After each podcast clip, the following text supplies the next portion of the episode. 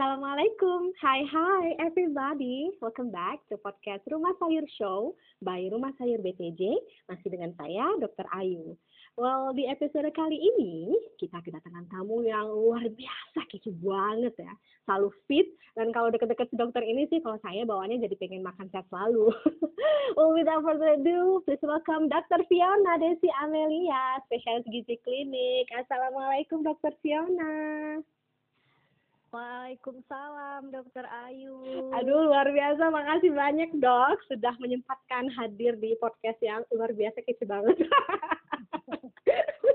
Justru saya terima kasih punya kesempatan untuk mengedukasi mengedukasi saya dok. Aduh, jadi dokter Fiona ini uh, cerita dong buat teman-teman semuanya, dokter Fiona ini sekarang aktivitas hariannya di mana dok? Karena kan uh, masih uh, bagi awam gitu kan ya, masih agak uh, belum begitu, jangan marah ya dok, belum begitu terkenal gitu loh, uh, afiliasi spesialis gizi klinik gitu loh. Uh, ceritain dong dok, gimana?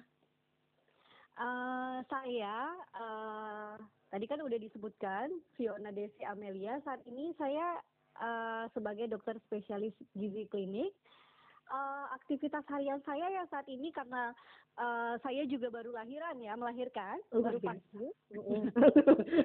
Turun mesin ya dok? Ya masih sedang sibuk mengasihi saja. Uh -uh. mengedukasi masyarakat sedikit demi sedikit begitu. Luar biasa.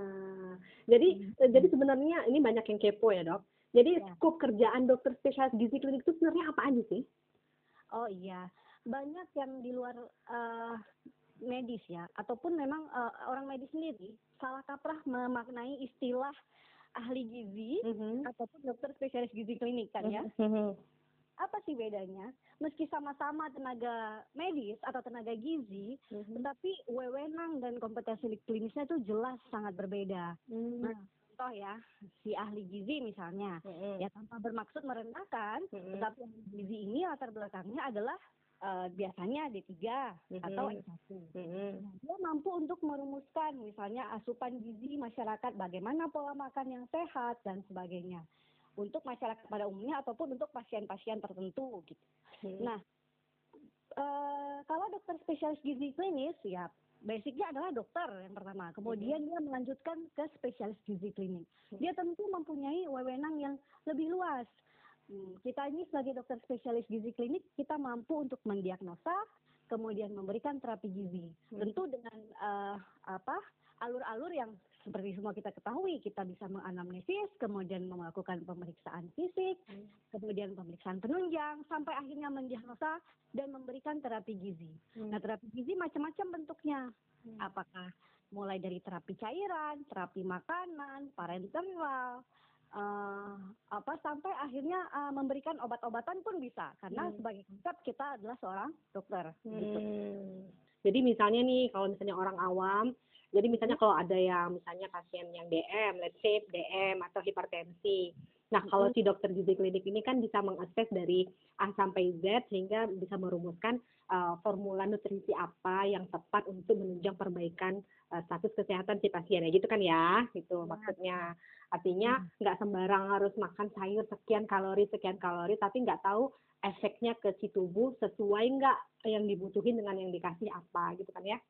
Ya, jadi uh, skupnya ataupun ilmu gizi klinis sendiri kita memang uh, bisa bergerak dari yang uh, apa model komunitas masyarakat sampai hmm. pada terapi uh, di rumah sakit. Hmm. Banyak terapi-terapi uh, ataupun masalah yang biasanya dihadapi oleh uh, berbagai macam orang. Misalnya hmm. ada orang dengan penyakit akut, hmm. seperti misalnya trauma kepala yang tentu saja metabolismenya akan berbeda dengan pasien-pasien yang dengan hmm. penyakit kronis. Hmm. Lagi adalah penyakit-penyakit sosial yang sering dihadapi, misalnya hmm. bulimia, anoreksia, hmm. kemudian atau masalah kelaparan atau starving yang di dunia di belahan dunia yang kayak yang di Afrika dan sebagainya. Nah, hmm. itu skupnya gizi klinis juga. Hmm. Tapi memang uh, saat ini karena program ini apa program studinya kan baru ya. Hmm. Memang orang tidak begitu paham, tetapi hmm. begitu uh, tahu bahwa dokter spesialis gizi klinis itu punya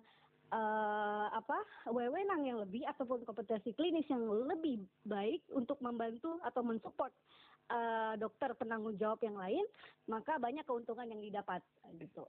Siap, luar biasa ya. Berarti dari hulu ke hilir ya luar biasa. Saya salut banget deh sama teman-teman yang ada spesialis gizi klinik ya. Well, uh, dari dulu tuh ya kan karena juga baru ya. Jadi teman-teman saya yang gizi klinik itu juga masih bisa dihitung dengan sebelah jari ya. Karena saya bukan lingkungannya uh, dokter-dokter spesialis gizi klinik. Uh, jadi tuh saya selalu kepo dok jadi hmm. orang-orang yang dokter spesial gizi klinik ini itu beneran uh, fit banget gitu, makan sayur dan buah tiap hari atau atau gimana ya dok? ya, ya maaf, saya kepo. Dokter spesialis gizi klinik sama seperti dokter-dokter yang lainnya. Kadang-kadang memang sebelum kita tahu, sebelum kita terjun ke bidangnya, kita kan juga nggak tahu ya. Kita terjun ke bidangnya, otomatis kita sebagai ya mau nggak mau sebagai pionir dong. Mm-hmm. Nah, hidup sehat itu harus bisa kita terapkan. Do what you say, gitu ya dong. Do what you say and see what you do. Jadi dokter Fiona ini uh, punya sayur dan buah kesukaan nggak? Maaf, dokter Ayu kepo banget. Apa dok? apa. Banyak kok. Saya memang dari dulu sebelum masuk gizi klinis pun memang penggemar dan buah. Mm-hmm segala macam buah dan sayur oke okay.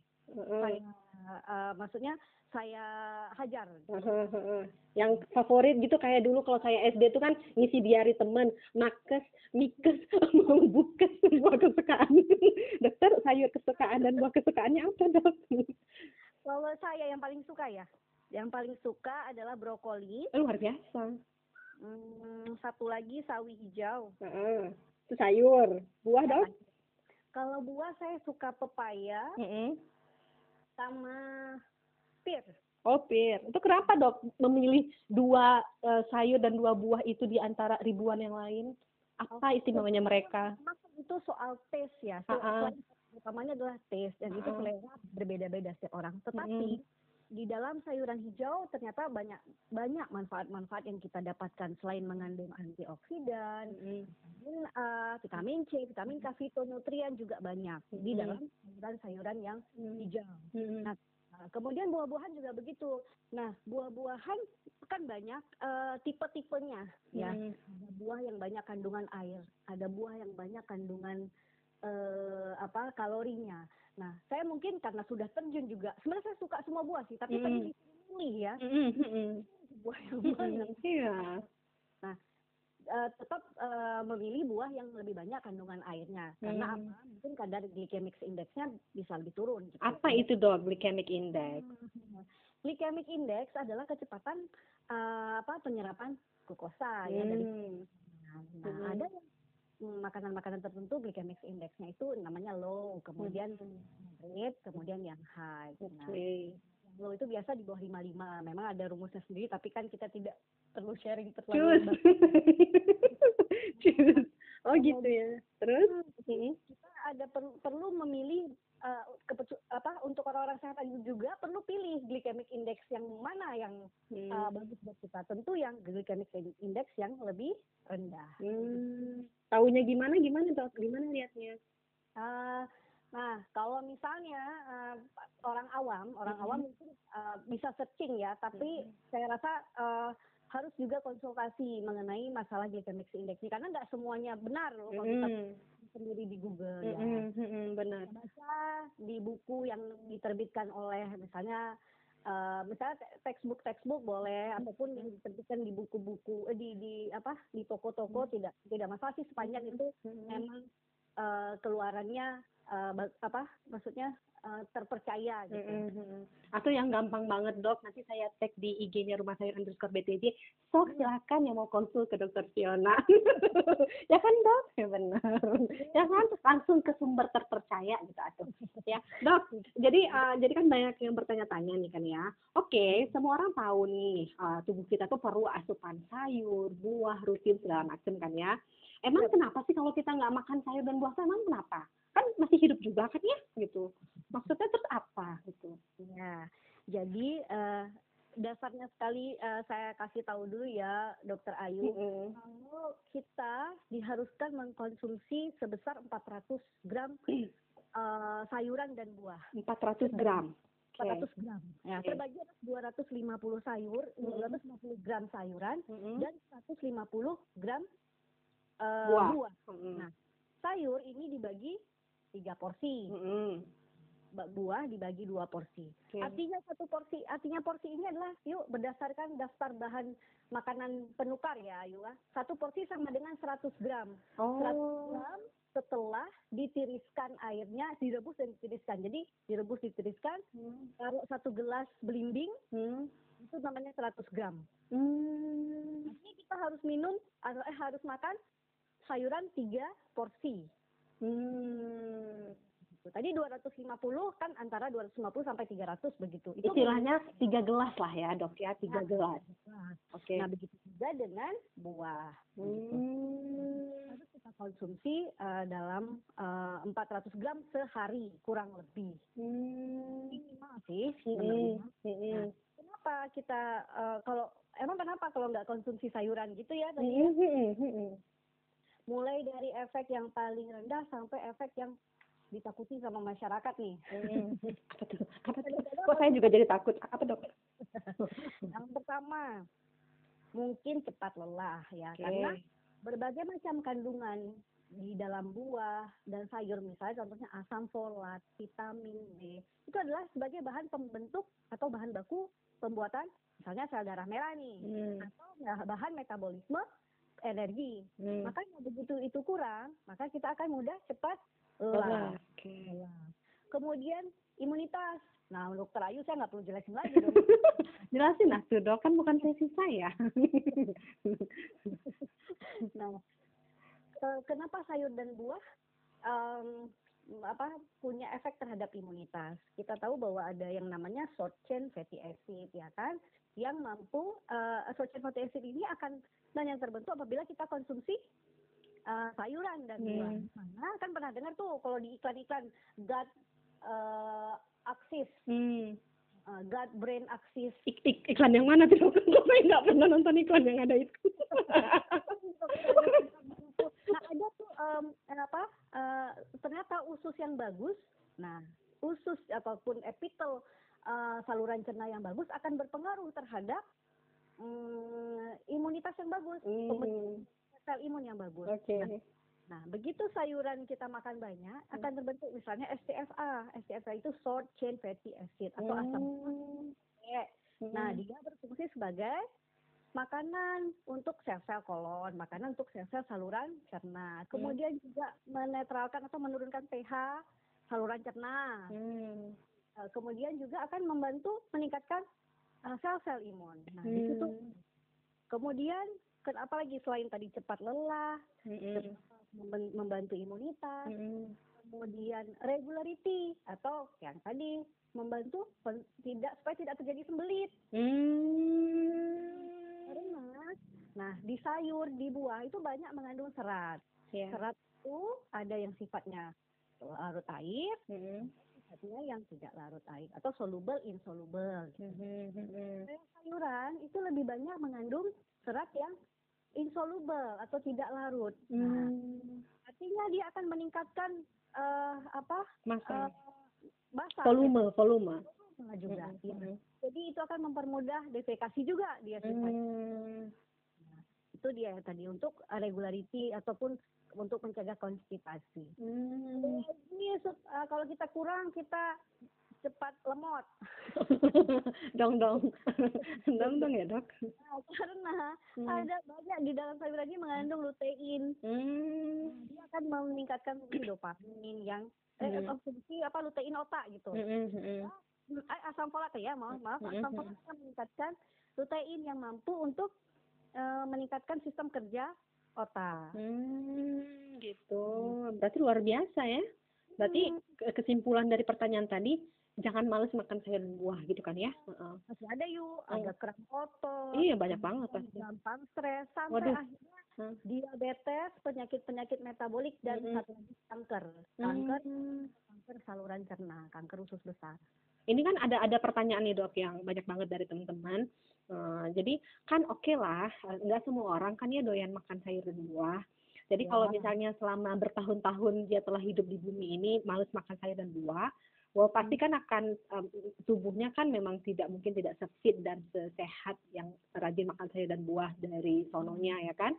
Well, Hmm. jika teman-teman itu kemudian ingin start uh, mulai rajin makan sayur dan buah, itu akan ngefek uh, ke badannya nggak sih? Maksudnya masih bisa diperbaiki nggak sih kerusakan di tubuhnya yang selama ini sudah ada?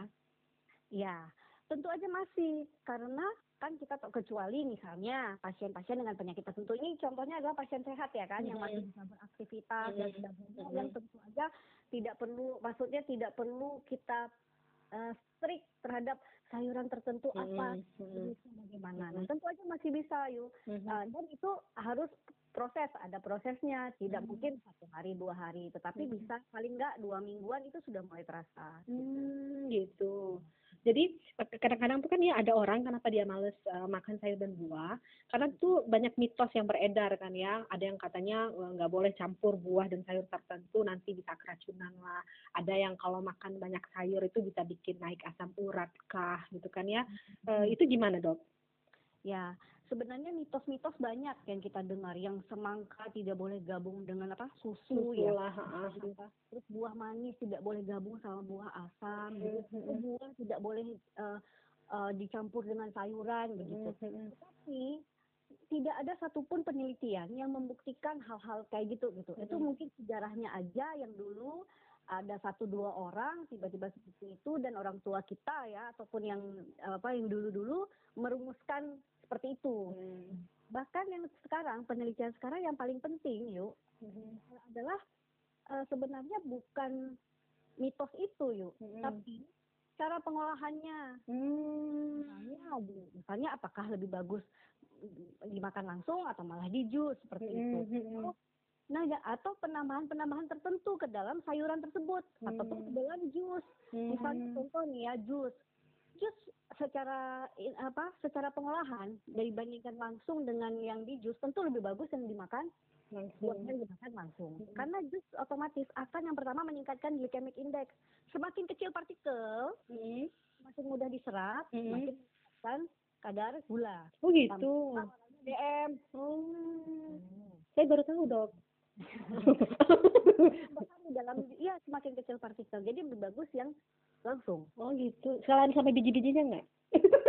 Kalau biji apa biji? Boleh. Jangan.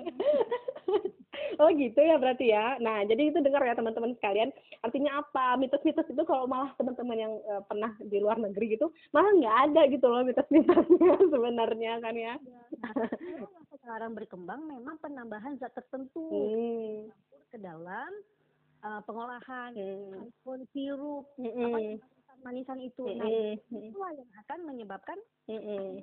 Iya. peningkatan trigliserid atau lemak. Benar, benar, benar. Jadi gitu ya. Terus ba- banyak yang bertanya karena ini tadi kita udah ngomong tentang pengolahan sayur ya. Jadi kan eh, banyak yang itu yang yang kepo juga. Jadi kalau kita sayur kita olah, itu kita masak ya kan, itu berapa lama? Apa istilahnya resting time ya dok? Berapa lama dia itu boleh kita makan eh, sampai nggak boleh lagi gitu loh. Setelah kita masak berapa lama dia boleh masih boleh dimakan? Ya, eh, gini re- ada resting time, ada hanging time. Oke. gitu ya. Nah, resting time biasanya dua jam Pak, setelah dimasak. Resting time itu apa dok? Resting time itu apa? Begitu dimasak Heeh. sampai eh, sampai dia benar-benar eh, maksudnya batas eh, sudah mulai bakteri masuk gitu, Oh gitu. Oke. sudah mulai terkontaminasi. Nah, Oke. eh, biasanya kalau dalam suhu kamar nih nggak ditutup di bawah di bawah apa? Di bawah tutup tutup apa? Turun saji. Hidung pagi, Heeh. ha-ha. Itu biasanya kalau dalam suhu kamar dua jam. Oke. Tetapi hanging time-nya itu bisa lebih lama, misalnya empat ta- empat jam. Artinya masih ada toleransi waktunya. Hanging time apa dok? Hanging time itu adalah benar-benar sampai sebenarnya itu kandungan gizinya masih tetap terus bagus gitu. Oh Belum gitu. Sampai kalau hanging time itu udah masuk bakteri tapi belum habis semua. Di atas itu Oh, nah sudah mulailah bakteri masuk, oksidan masuk. Nah, oh gitu. Jadi kalau kita masak sayur pagi nggak boleh makan malam berarti ya lewat banget tuh udah. Ya sebenarnya ya kalau mungkin basi terlalu basi belum ya. Kadang-kadang kan ada pagi kita masak tapi malam Mm-mm. belum Mm-mm. terlalu tapi Mm. secara kandungan gizi kemudian secara kontaminasi mungkin bakteri dan sebagainya sudah mulai ada jelas Hmm, gitu. Berarti aman-amannya, eh, let's say maksimum 4 jam ya? ya tetapi kalau beda kalau dimasukkan ke dalam tabung kedap udara itu bisa lebih lama Oh. bisa resting time bisa mencapai 4 jam kemudian hanging time-nya bisa sampai 8 jam gitu Hmm, ada yang bisa dilihat kan kalau kan eh, kadang-kadang tuh ada yang bisa kita lihat tampilan fisiknya kan ya masih bagus atau enggak atau eh, zat nutrisi di dalamnya bagi masih bagus atau enggak itu ada nggak dok yang bisa kita lihat dengan mata telanjang? Em, biasanya sih kalau misalnya yang apa perubahan warna Hmm. bau gitu. Hmm, Jadi hmm. lihat aja kalau bisa mungkin bau paling terakhir tapi secara warna sudah mulai berubah kemudian Hmm. ada eh, mulai apa kontaminasi biasa kan sudah agak berbusa ya. Hmm, oh gitu. Itu sudah tidak tidak layak lagi, tidak. Nggak boleh makan lagi ya? Itu boleh dipanas-panasin lagi nggak kalau sayur? Kadang-kadang masak tuh banyak, terus Hmm. masukin ke freezer, terus kapan lagi dipanasin lagi gitu. Boleh nggak sih? Ya, Maksudnya saya males gitu, sering masak sekali banyak tuh. tidak harap sih memanaskan, cuma kandungan gizinya akan lebih banyak lagi yang hilang. Pertama, misalnya kalau ada tomat nih contoh ya, tomat. Tomat itu sarannya adalah dimasaknya belakangan belakangan. Jadi kayak b- apa blanching doang dia. Oh, Kalau cuma yang dicelup, kalau enggak likopennya hilang. oh gitu. Nah, likopen itu kan anti salah satu fitonutrien yang ada juga di dalam uh, tumbuhan ataupun Mm. Sayuran atau buah. gitu. Mm-mm. Nah, begitu kita panaskan lagi, udah selesai. Jadi yang kita dapat cuma seratnya aja ya. Ya, seratnya saja. Padahal kan kandungan yang harus kita dapatkan di situ antioksidan harus kita dapatkan. Oh gitu, gitu ya. Berarti eh, berarti gitu pak pakemnya begitu ya. Oke, saya catat di dalam otak saya. Nah terus em, jadi kan banyak nih orang-orang dengan gaya hidup modern sekarang kan ya dok. Eh, Apa ya, eh, let's say lah sekarang kan istilahnya milenial kalau yang muda-muda ini. Saya melihatnya sih tren tren buat healthy lifestyle itu sudah makin meningkat ya. Eh, Cuma saya juga masih melihat nih di kanan kiri depan belakang eh, karena saya ini kan orang Aceh ya kan Eh, kita tuh di Aceh tuh kayaknya memang eh, apa ya habit untuk mengkonsumsi sayur dan buah itu memang rendah dibandingkan daerah-daerah lain ya kan. Itu Hmm. sepandangan saya ya. Eh, jadi kalau menurut eh, perspektif dokter gizi klinik ini eh, habit masyarakat Aceh well let's say secara glo- global Indonesia dulu lah ya secara yang lebih nasional tuh Indonesia Em, gimana sih habit makan sayur dan buah di Indonesia dan di Aceh khususnya Iya. Eh saya compare ya dibandingkan dengan orang yang pada saat dulu saya tinggal di provinsi lain dengan Hmm. yang di Aceh.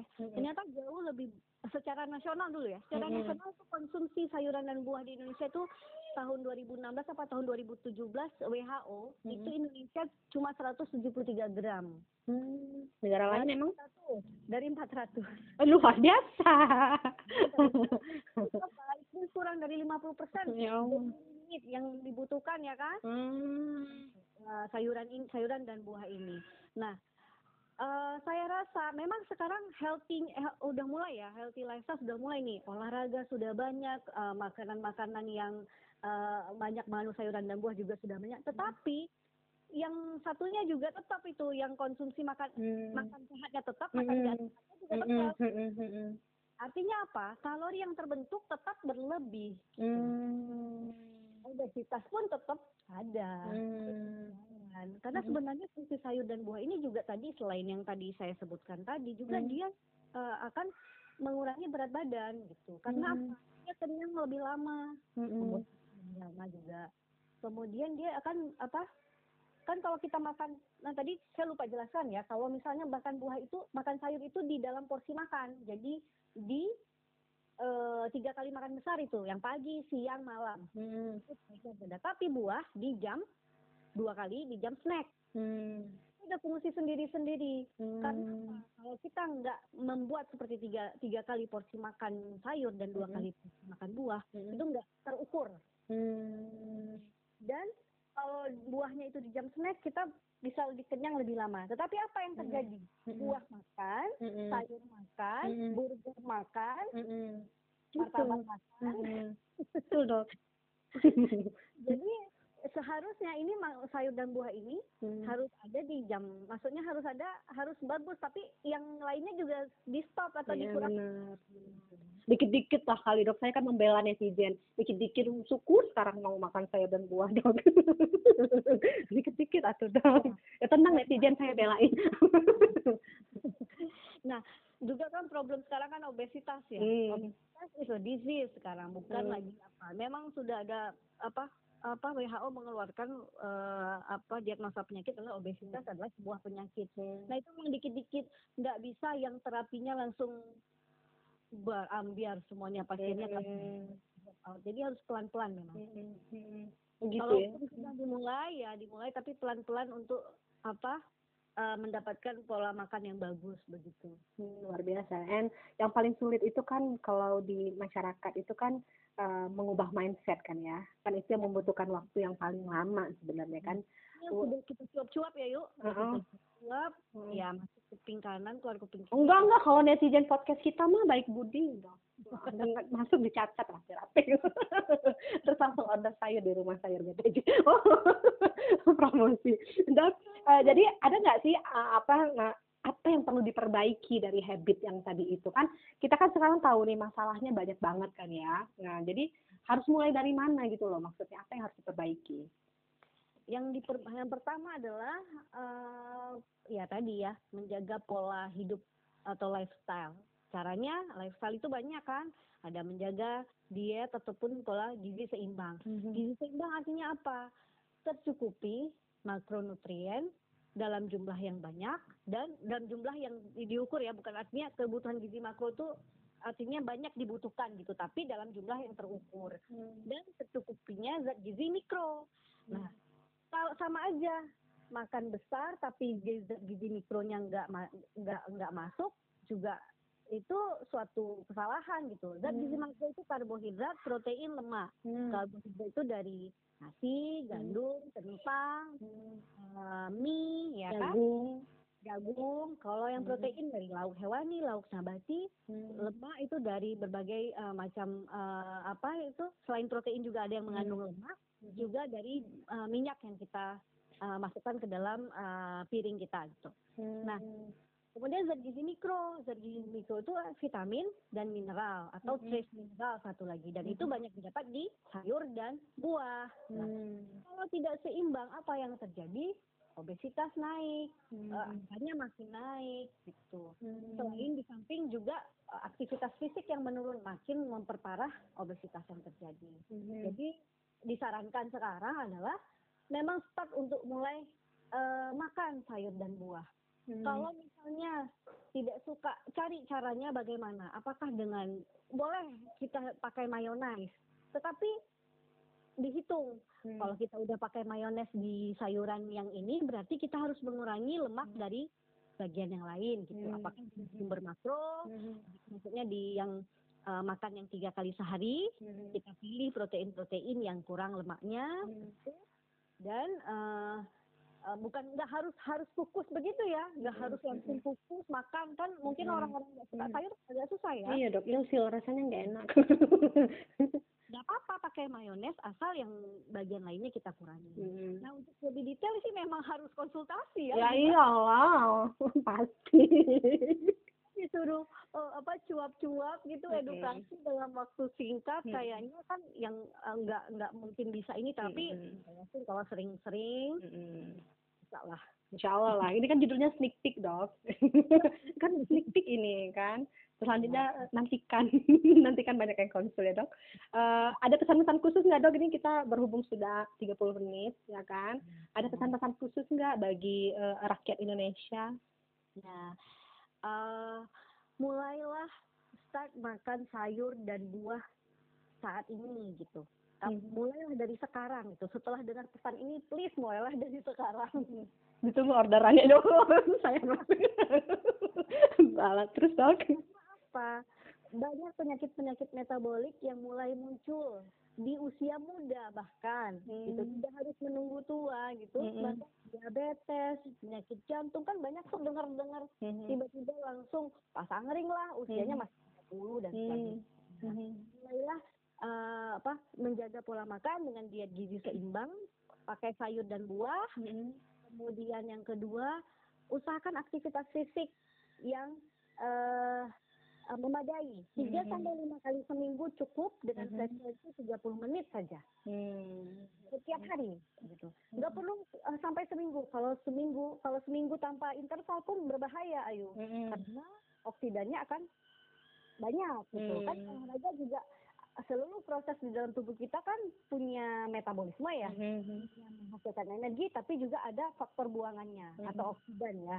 Nah, Mhm. kalau olahraganya juga sering banget itu sampai seminggu full tiap hari bulan Mhm. oksidannya terlalu banyak dan kita tidak cukup antioksidan Hmm. dapat dari sayur dan buah atau Hmm. didapat makanan yang lain Mm-mm. lebih berbahaya lagi. Hmm. Nah, tidak perlu terlalu yang ketiga, tidak perlu terlalu takut dengan mitos-mitos yang ada. Mencampur sayur dan buah seperti ini tidak tid- tidak masalah. Campur sayur dan buah tidak masalah. Hmm. Yang perlu diperhatikan adalah bahan yang dicampurkan Hmm. pada pengolahan sayur dan buah. Hmm. Gula pasir, high corn syrup. Gitu. itu yang perlu diperhatikan karena itu yang akan malah eh, mengubah eh, yang buah yang kita makan tadi jadi Mhm. lemah.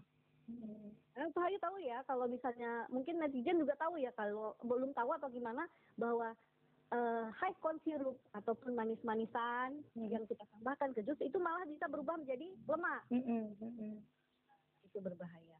Kemudian eh, ada mitos lagi kayak melinjo asam bisa menyebabkan asam urat ya ataupun apa bayam bisa menyebabkan asam urat. Enggak tidak yang yang yang melinjo, bayam, kangkung itu adalah moderate purin content. Artinya apa? Kandungan purinnya sedang, cuma boleh dikonsumsi satu porsi sehari. Satu porsi seperti yang saya bilang tadi, Hmm. 1 gram sehari. Mm-mm. Karena kandungan eh, purinnya Hmm. lumayan se- sedang dan tidak terlalu tinggi. Hmm. Yang tinggi itu malah kayak yang jeroan, isi Hmm. dalam, sarden, Mm-mm. eh, babat itu tuh yang Hmm. banyak, kerang itu yang banyak. Jadi tidak perlu takut dengan sayuran kalau asam urat dan sebagainya. Siap. Ada lagi dok? Mumpung, mumpung netizen lagi baik budi mendengarkan. Silahkan sampaikanlah pesan-pesanmu. jadi Apalagi jadi gitu ya. Pokoknya intinya start small, start now gitu kan ya. Jangan jangan gue pengen sehat, gue pengen fit, tapi terus lu tidur gitu maksudnya kan. you do nothing and then you got nothing ya kan. Hmm. Memang yang paling susah dari edukasi ini adalah seperti Ayu bilang tadi mengubah mindset. Termasuk nanti begitu ngelihat kita praktek nih Yu, Mhm. tiba-tiba eh, netizennya lihat nih dokternya aja gemuk gimana? Aku tak ingin mengikuti saranmu, Dok. terus jadi terus gimana, Dok? Jadi sendiri juga loh. nanti kita punya nanti kita akan punya ini, Dok. Punya segmen eh, apa diet bareng yuk. Nanti kita diet bareng, Dok. Nah, Ayu pernah dengar kan dokter adalah manusia yang paling munafik di dunia. Dokter mana?